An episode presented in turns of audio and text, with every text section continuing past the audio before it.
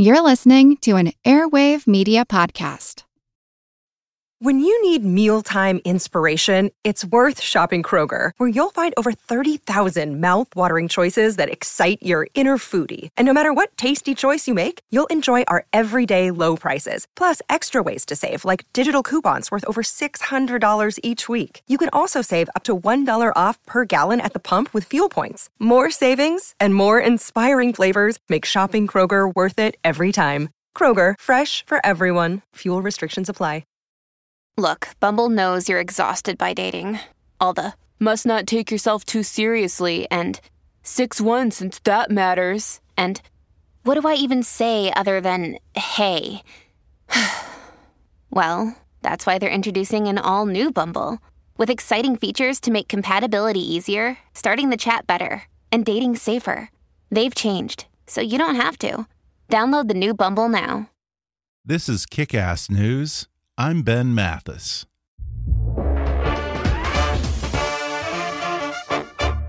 Hey folks, it's Ben Mathis here with just a quick favor to ask. We love having great advertisers support the show, but in order to continue doing that, we need your help. So please go to podsurvey.com/kick and take a quick anonymous survey that'll help us get to know you a little better. That way, we can show advertisers just how enthusiastic our audience is about kick ass news and keep the show free for listeners like you. Even if you've taken our podcast listener survey before, the current one is new and different, and it's really important that we have lots of listener feedback, so I'd really appreciate it if you take a minute to fill out this new one. Plus, as a thank you, once you've completed the survey, you can enter to win a $100 Amazon gift card.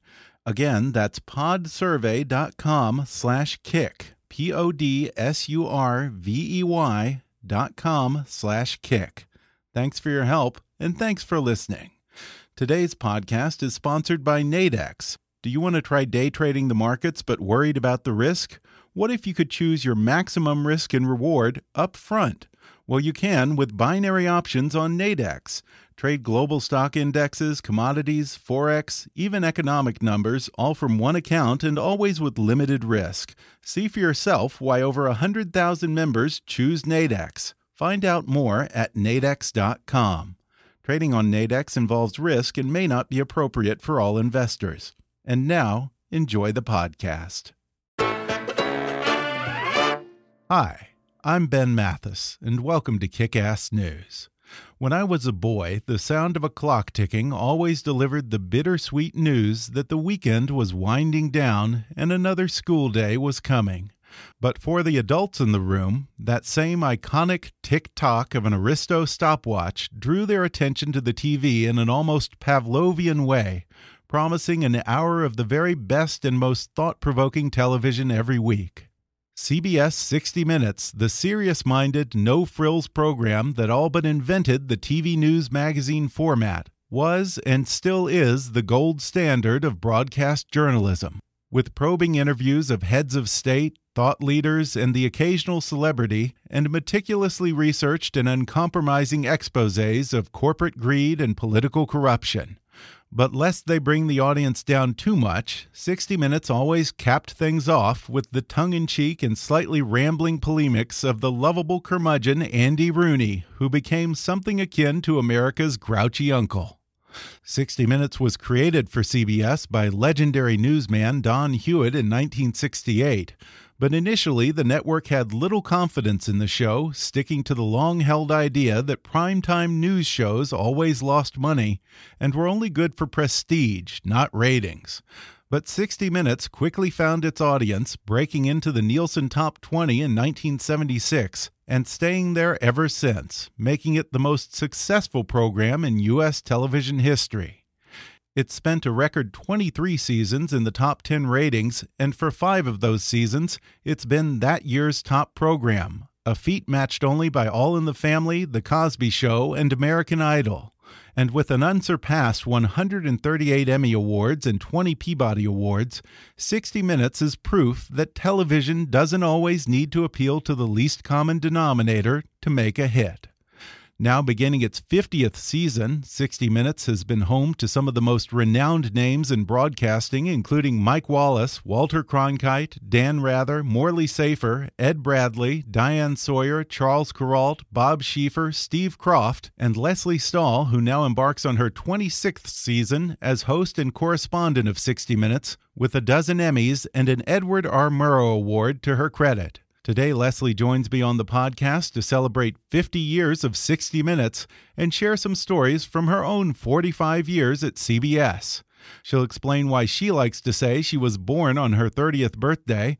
She'll reveal how being a woman actually helped her get hired by CBS and share how the young reporter scooped the other networks and became the first to break the Watergate scandal. She'll recall her impressions of the three presidents she covered as White House correspondent for CBS and her frustration with some of the less than forthcoming guests she encountered during her eight years as host of Face the Nation.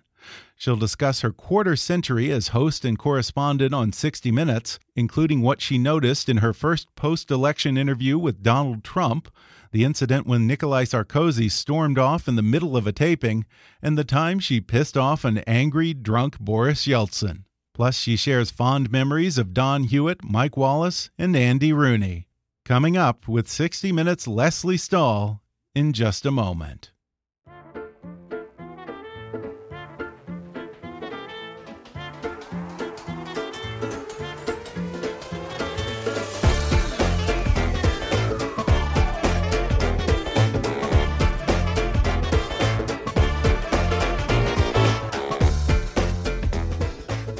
Today I'm joined by Lesley Stahl, who is one of America's most honored and experienced broadcast journalists. She's been a 60 Minutes correspondent since March 1991. This Sunday, September 24th, 60 Minutes returns for its 50th season and Lesley Stahl's 26th season on the broadcast. Lesley Stahl, thanks for coming on the podcast and congratulations on that anniversary. what an introduction. I guess I've been there more than slightly more than half the time. I hadn't thought of it that way, really. Well, you've pretty much spent your entire career at CBS. I've heard you say that you were born on your 30th birthday, which coincided with that, correct that moment when you joined the network, right? It's actually, truthfully, the day uh, I became a reporter.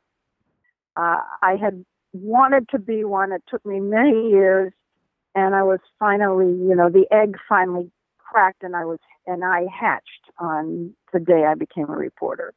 And I was actually uh, working in Boston at the time. I, I don't want to say I was a veteran by the time I got to, to CBS. I was as green as they come.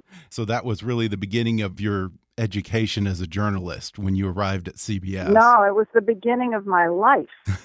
I was born, I literally was born on my 30th birthday. Prior to that, you were working in local television in Boston, which isn't exactly some tiny little backwater, is it?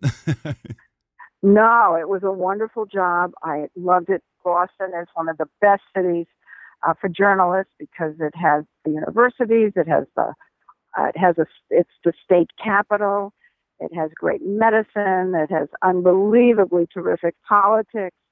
Yeah, I love that job.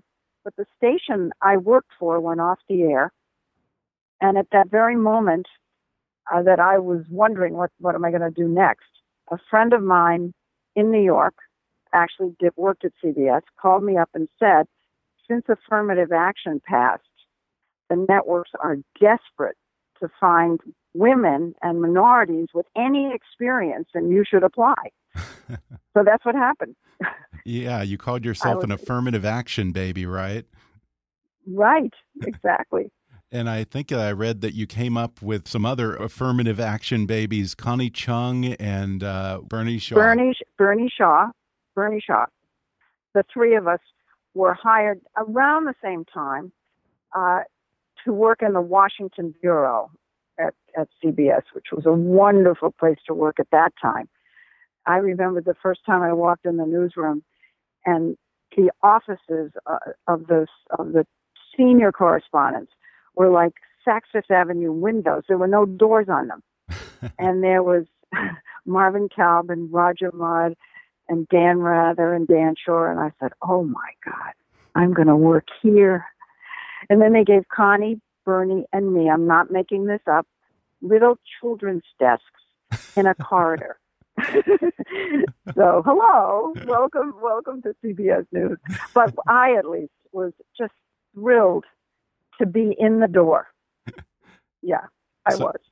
So you have a totally different experience from those women who talk about how hard it was to break into network news back in those days. In your case, it actually worked in your favor. totally Once. worked in my favor. I think the women who talked about the difficulties uh, probably also benefited in getting hired. hmm But once there, they came to realize that they were being paid less for doing the same work as a man, uh, and that, and that was an issue at CBS News as well. And at, and at that point uh, in journalism, women were not being given the, the the top kind of assignments, and uh, that did not happen to me. I had a wonderful boss who was committed to uh, ma- helping the new reporters because the three of us really were inexperienced in terms of CBS correspondence, what they were expecting. And so they had an apprentice program. And we were kind of a level below. And I, it was wonderful because we got to make our mistakes and we followed the senior correspondents around and learned basically how to do the job. And, and that must have been an exciting time to be at CBS because, unlike now, when to some extent the network news departments have leveled out, in those days there was CBS and then there was NBC and ABC competing for a distant, distant second. Did the influence of broadcast giants like Edward R. Murrow and Bill Paley, Fred Friendly still loom large in those days at CBS? Oh, absolutely. Fred Friendly was still alive. Mr. Paley was very much alive. Um, Frank Stanton was uh, president of CBS. And uh, w- it wasn't that long after Murrow.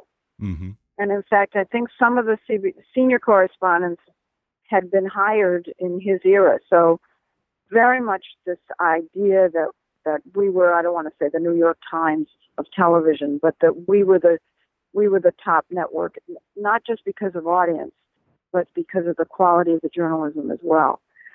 And and that's probably why I was so happy. I, I, I was on a cloud. I'm not kidding, and I was and I was very much uh, n- number two, but it didn't matter. But as time went on, as time went on, it did matter to me and I and all the other women. We began to feel like, why are we second class citizens? And in some news organizations at that time, the women actually sued. It didn't happen at CBS. How did you earn your respect as a journalist, as a woman at CBS? Did I? Or did you feel? I would hope so by now. Uh, think- You've got think- 12 Emmys. I'm not sure. I, I think that uh, it wasn't that they had plucked us up and thrown us out and said, you know, sink or swim, and here you have the big story of the day. And if you don't do a good job, you're never going to be able to do it again. They brought us along, uh, and it took years. I know that I know that in some affirmative action cases, people were hired and thrust into positions that they hadn't done all the baby steps that you need to do to get there. But we all did. Bill Small, who ran the Washington Bureau in those days, was committed to this program to make it work for us. And you made your bones covering the Watergate scandal. Um, when the Watergate burglars got caught, you managed to scoop all the other networks on that story. How did you do that? Well, when when the break-in occurred in June of '72, I was the new correspondent. This was the middle of that '72 political campaign, presidential campaign, and virtually everyone in the bureau who didn't have a beat, like the White House or the Pentagon, was assigned a candidate to go out and follow. And no one really thought this break-in was anything other than a local burglary. But it was the Democratic Party. And I remember the assignment editor looked around the newsroom and said, Hey, kid, go cover this arraignment. and I and um, a reporter from the Washington Star, which was a local Washington newspaper, and he was one of the Metro reporters. He wasn't a national reporter. And a guy from the Washington Post and I were the only three people outside of the burglars and their lawyers in that courtroom, and of course the judge.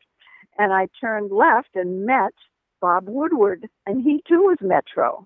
It was not in the beginning considered a story, really. I don't, Right. I'll bet they didn't even write about it in the first day. But we kept going back to that courthouse, and suddenly we realized that they have hundred dollar bills and consecutive numbers. They had phony passports. One, hmm. they were working for the CREEP, the, the committee to reelect the president, President Nixon's campaign. So slowly, it became clear it wasn't such a small story. And I, and Woodward used to say to me, "Never let them take this story away from you. You hold on to this story as tight as possible." And weren't you living at the Watergate at that time as well? I didn't have far to go to cover it. and what was the mood like in Washington as the Watergate story snowballed when it broke? Oh my goodness, you can't imagine. It was uh, the height of adrenaline flow was so enormous that just breathing, you know, got you into a high.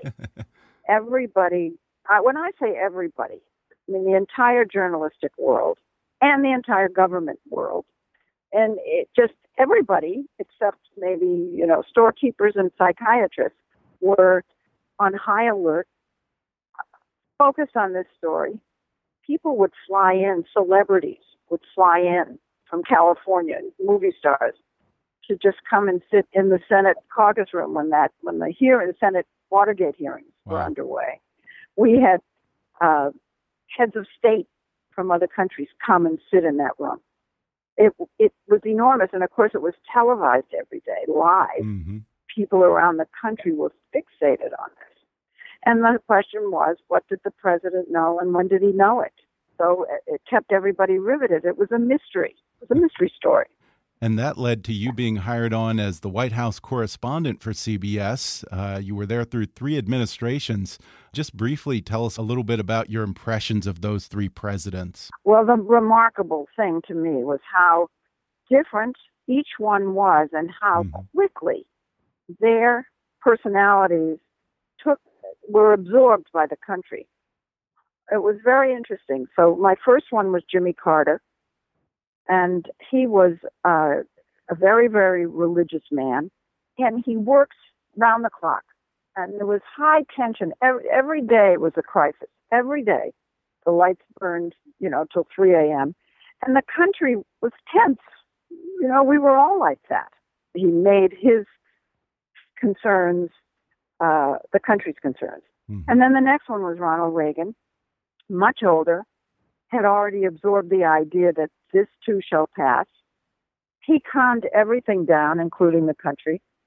Um, he never stayed, the White House never stayed up till 3 a.m. unless there really was a genuine crisis. Uh, and then, of course, George Bush, the first, came in, and he he was, let me say, sane, sane and uh, easygoing. Uh, and I I think the country absorbed the bit of his laconicness, if, if Mhm. that's the right word. Yeah, that's an interesting observation because I often hear pundits say that the president reflects the mood of the country. But that's the first time I've ever heard someone say the country reflects the mood of the president. Presidents uh, can, through osmosis, I don't know, through magic, uh, infiltrate down to the level of people on the street. hmm They convey their own concerns to us. And I think you said that of all the presidents, George H.W. Bush was the one that you enjoyed the most on a personal level. I believe you said he has kind of an everyman quality or a down to earth quality that you appreciated, which is surprising because his big problem as a politician was always this popular perception that he was some kind of out of touch Yale blue blood who people couldn't relate to. When I say every, I don't think I ever said everyman. Okay, I'm, I'm paraphrasing. He was not an everyman, but he had a great sense of humor. He was one of the presidents who got up out of the Oval Office and walked around. He used to walk around uh, down into the press room just to say hi. he was sociable. He was uh, he had an impish sense of humor, and he smiled a lot. and he liked to have jokes going on. Uh, Jimmy Carter never left the Oval Office, and he was working, reading, and discussing. It's like a professor. And you know, the press secretary also reflects the nature of the president. So when Jimmy Carter was in the Oval Office, his press secretary used to brief us.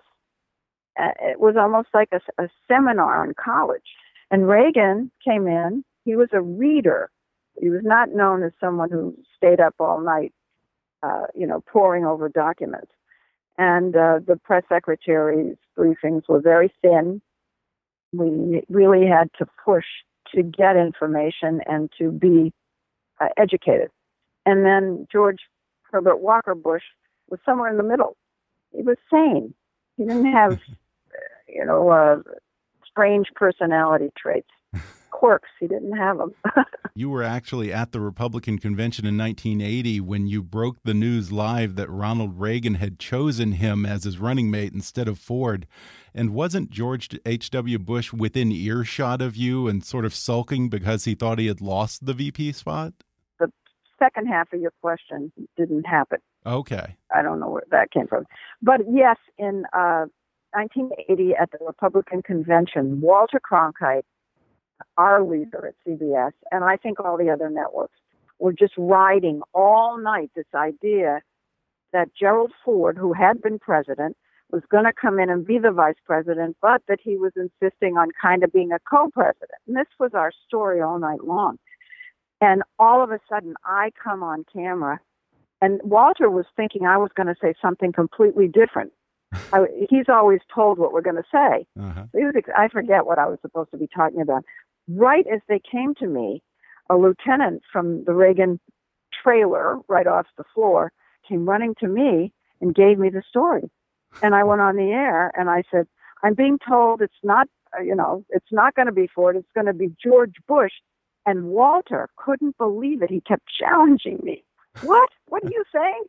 It was stunning. And I was very uh, kind of excited about this. I've seen the tape. I'm very excitable. It, wow. it, because it was stunning. Yeah. It was a big surprise. Big surprise. Yeah, and maybe this is an apocryphal story, but somewhere I had read that George H.W. Bush was fairly close physically to where you guys were, and he was still thinking that he hadn't gotten the VP spot. But I suppose oh, that well, might I never heard that story, and I, I'm, I, I no, I think okay. he had been told. I think, okay. I, I think he so. knew before I knew, but I'm not sure. I never heard that story before. Okay, and it's not true. Well, we're going to take a quick break, and then I'll be back with more with legendary broadcast journalist Lesley Stahl when we come back in 60 minutes. Oops, I mean 60 seconds.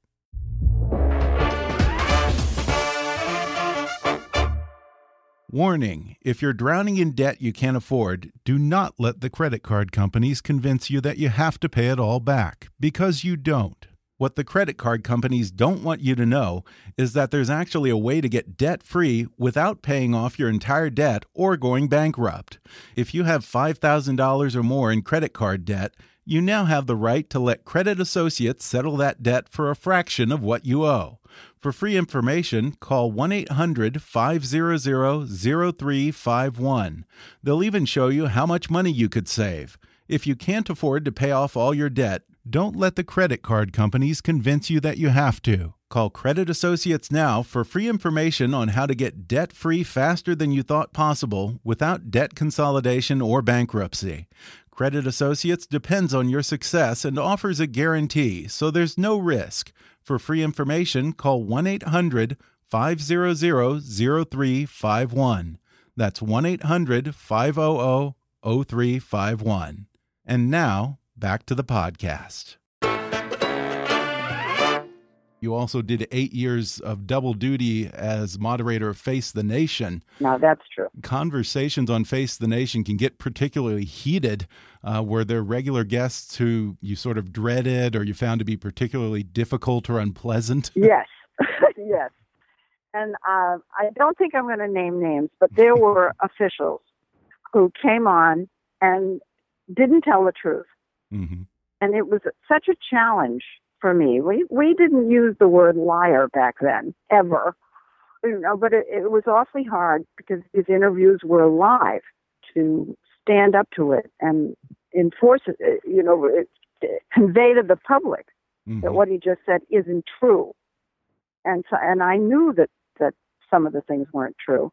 And we had a lot of guests who came on regularly, who came on with the with the goal of not making any news. And if they got out without having said anything that's going to get in the paper the next day, they felt that they deserved a gold star. And we had a we had to deal with a lot of people who felt that they didn't need to be accountable for their government jobs. I had the opposite view.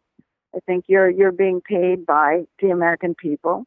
You have to answer the questions. And of course, the, I'm just I'm just the intermediary between the public and the government, and we want to know what's what you're doing. So it was, and, and and a lot of officials came on to brief the public. Mm-hmm. I'm just talking about the few who didn't. Yeah.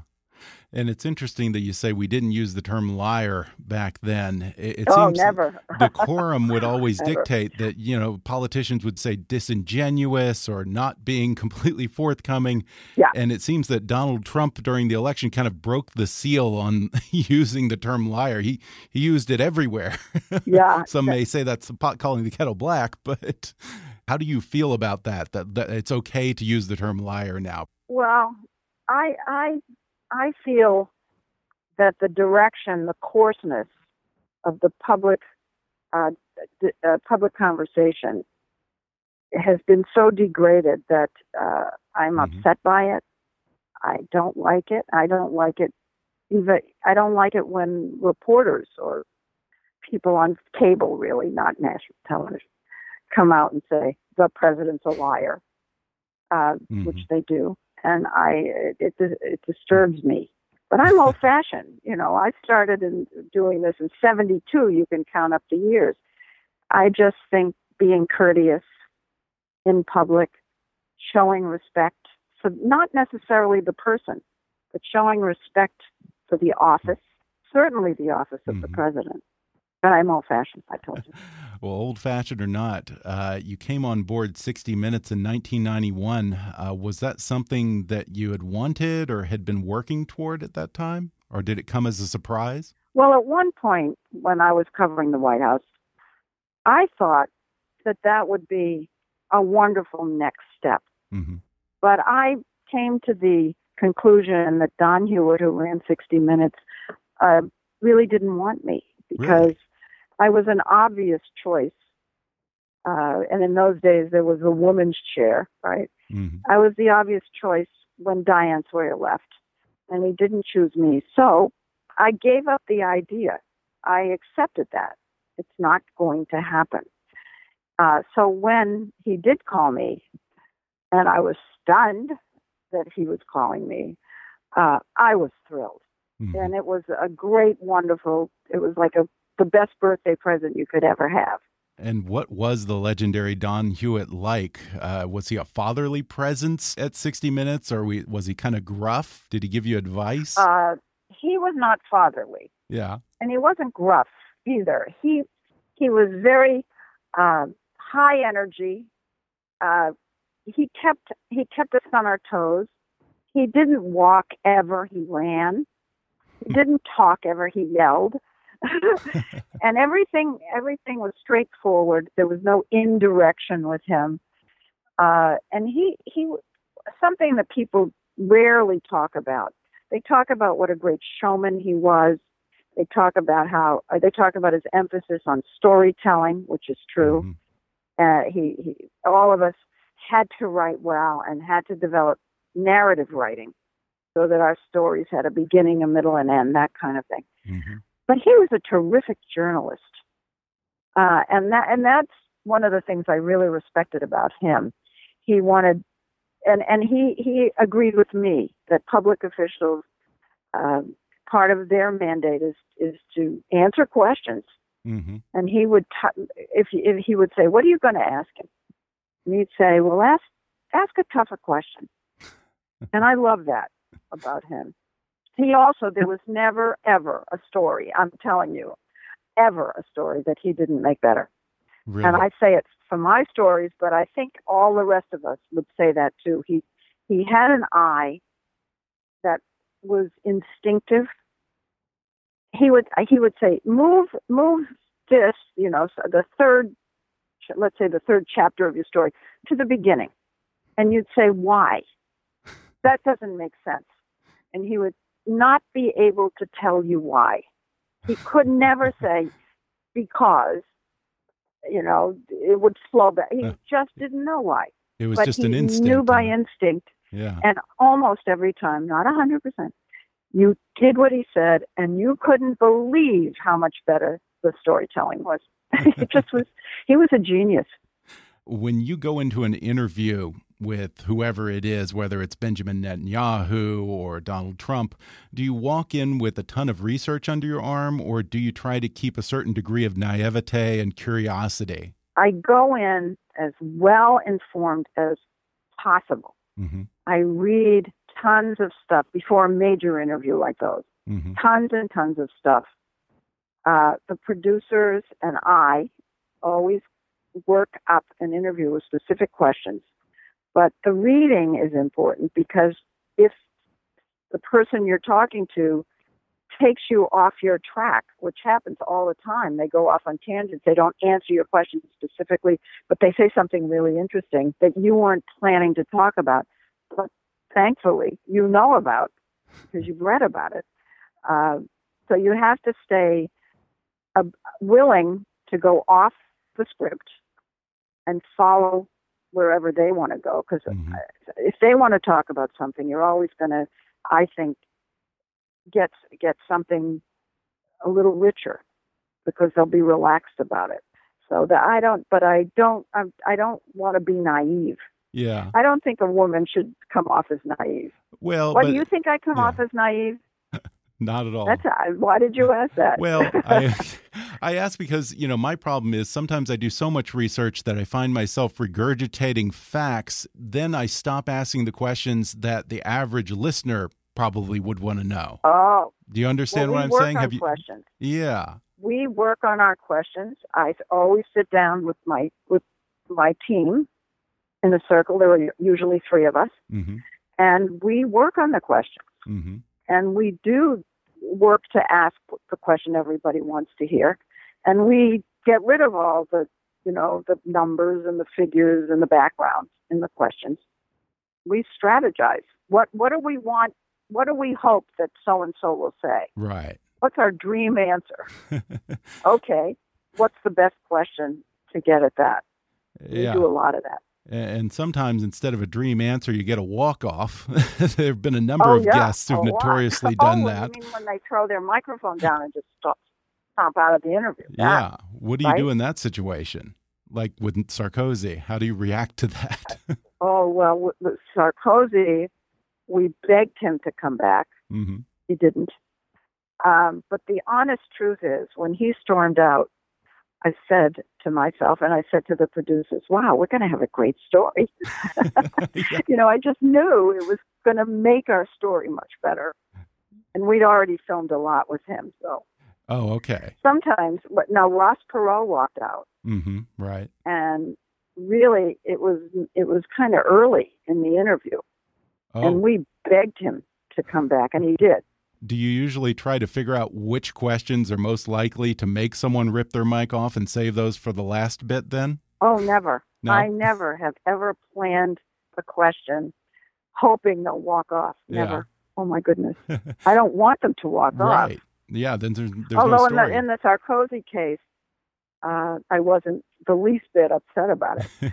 uh, uh, someone, Boris Yeltsin, walked off, and I was bewildered because we had a, a an interpreter, and I didn't understand why he was offended by my question. Huh. Uh, even today, I couldn't fully explain what what set him off. I think the the interpreter changed the sense of what I was asking. But I don't know. I just was completely thrown back by it, bewildered. What did I say? What what happened here? yeah. Do you remember what the question was? It was a question about the healthcare system in the Soviet Union, and I had done a story on how woeful it was Uh huh. and how far behind, far behind Western medicine they were. And I asked him a question about it, and suddenly he was screaming at me about his mother. it was very peculiar. Well, you know, since it's Boris Yeltsin, I have to wonder uh, do you think he was sober in that interview? I do not think he was sober okay. that interview. Well, there you he go. was playing tennis. He insisted we do it on the tennis court. Uh, no, I don't think he was sober at all. But still, he was answering. He was answering questions. Right. And um, so. Uh, who's been the hardest interview to get, or the one that's taken the longest to land? Oh, gee, that's a good question. I've always wanted to interview Warren Buffett, and he still hasn't said yes about an interview for him.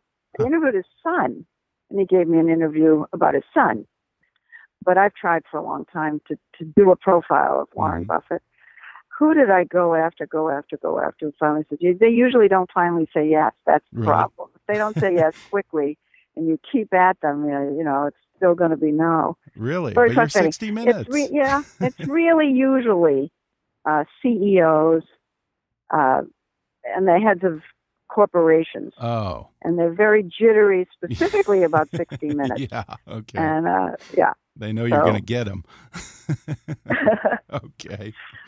Well, they will come on if they have something to sell, mm-hmm, and then they'll mm-hmm. come on. But they won't do it just because they've been in the news and they're in some kind of hot water. Yeah. Well, a couple of times they come on thinking, well, I'll explain myself, but very rarely.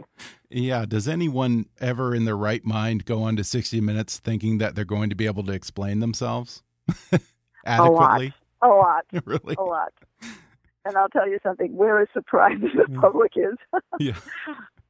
Well, you interviewed President Trump both during the campaign and then right after the election. I think within days of the election. Did you see a change in the man in that short period? Well, I interviewed him three days after he won. Mm -hmm. And he was a totally different person than he was during the campaign and that he has been as president. Um, and I, I think, and I assumed at the time, that he was in a state of shock. Uh, he, although he says he knew he was going to win, I don't think he knew one bit because he was. Uh, he had when I interviewed him the first time, he leaned forward in his chair and he looked like a tiger who was about to pounce. You know, if you ask something I don't like, I'm going to go back at you.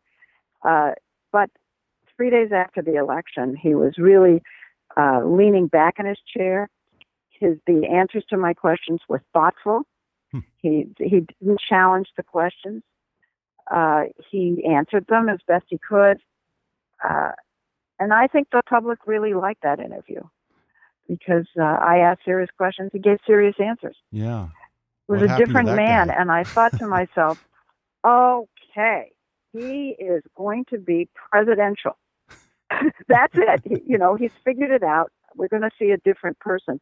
and within a couple of days, he was tweeting and mm-hmm. kind of back to the person we'd seen before the interview. now, did he like the interview or was he tweeting about you the moment it aired? No, he wasn't tweeting about me, and I think he did like the interview. okay. Although he didn't call me and tell me so, but mm-hmm. I I think so. And he should. I mean, he came off as sober and thoughtful. Uh, and he, there were a few times where he was uh, standing, you know, fighting back, but that's mm-hmm. what you expect in an interview. Yeah. And it was, it was done respectfully on both sides, I think. Mm-hmm. You know, these days journalists tend to hop around between networks, cable news, new media like they're changing socks, but you're kind of like an old school company man. You've been at CBS your whole right, career. Right. I'm sure you've had plenty of offers. Why why were you never tempted away from CBS? Well, I was the White House correspondent and did Face the Nation at the same time, and it was wonderful. I loved it. I loved my job when I was covering politics and I would still have that job if they would keep me.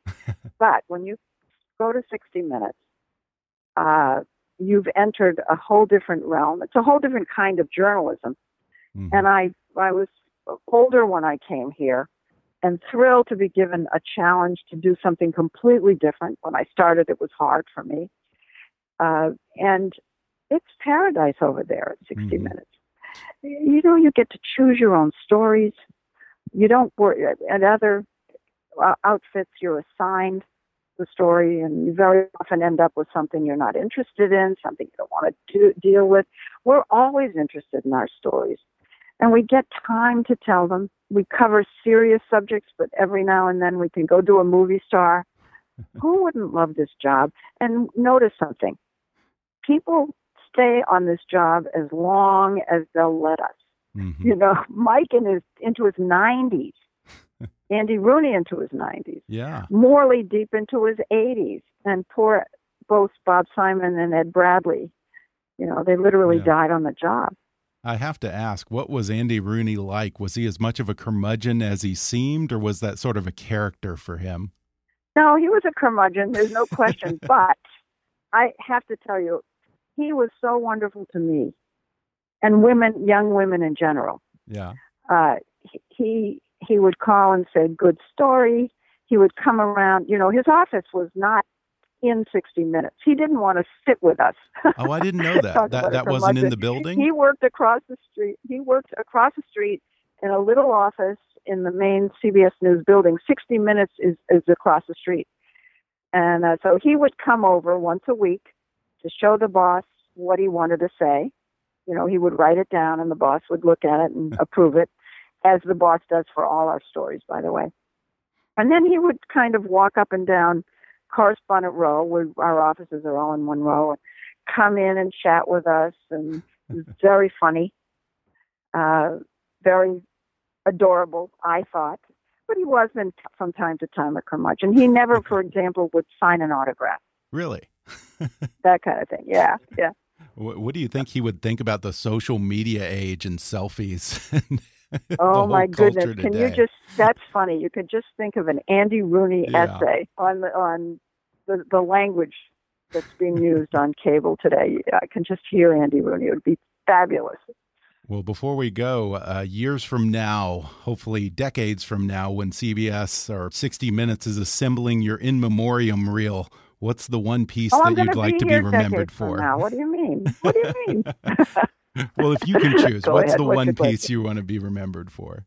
I will tell you a secret, okay? When is when is your story going to run? This coming Thursday, right before the first episode of 60 Minutes. Oh, okay. Well, here's your secret. Here's your scoop. Uh, we are working on a 50th anniversary show. And some of our favorite pieces that we've done will be on the show. Okay. And some of mine will be on the show. We, I don't I don't know which ones I've told them my favorites, and I don't know if they're going to pick the ones I've said or other ones, and I don't know how many, but that's going to be on television. Um, I guess I would like to be remembered for continuing to do it the old-fashioned way. Mm-hmm. I think the public appreciates it. I think the that I can tell by our ratings. Yeah. And I can tell by what people say to me when I walk down the street uh, that they like the way we go about our journalism and that they think we're fair. And I really try to be fair. I really work at that. So that's what I'd like to be remembered for. Well, 60 Minutes returns for its 50th season with a special anniversary episode this Sunday, September 24th at 6, 7 Central. Lesley, it's been such a pleasure. Thanks for talking with me. So I want to thank you so much. Uh, this has been so fun, and I can't wait to hear how you put it together. Today's episode was sponsored by Nadex. Want to try day trading markets but worried about the risk? What if you could choose your maximum risk and reward up front? Well, you can with binary options on Nadex. Trade global stock indexes, commodities, forex, even economic numbers, all from one account and always with limited risk. See why over 100,000 members choose Nadex. Find out more at nadex.com. Trading on Nadex involves risk and may not be appropriate for all investors. Thanks again to Lesley Stahl for coming on the podcast. One more time, the 50th anniversary of 60 Minutes airs this Sunday, September 24th at 6, 7 Central on CBS. For more information, visit CBSNews.com and order Lesley Stahl's charming memoir, Becoming Grandma The Joys and Science of New Grandparenting, on Amazon. Be sure to subscribe to Kickass News on iTunes and leave us a review while you're there. Don't forget to take our listener survey. It only takes five minutes at podsurvey.com/kick. You can visit Kickass News on Facebook and follow us on Twitter at, at KickassNewsPod. And be sure to recommend Kickass News to your friends on your social media. And if you really want to help out, then donate to our GoFundMe campaign at gofundme.com slash kickassnews or click on the donate button at kickassnews.com. As always, I welcome your comments, questions, and suggestions at comments at kickassnews.com. For now, though, I'm Ben Mathis, and thanks for listening to Kickass News.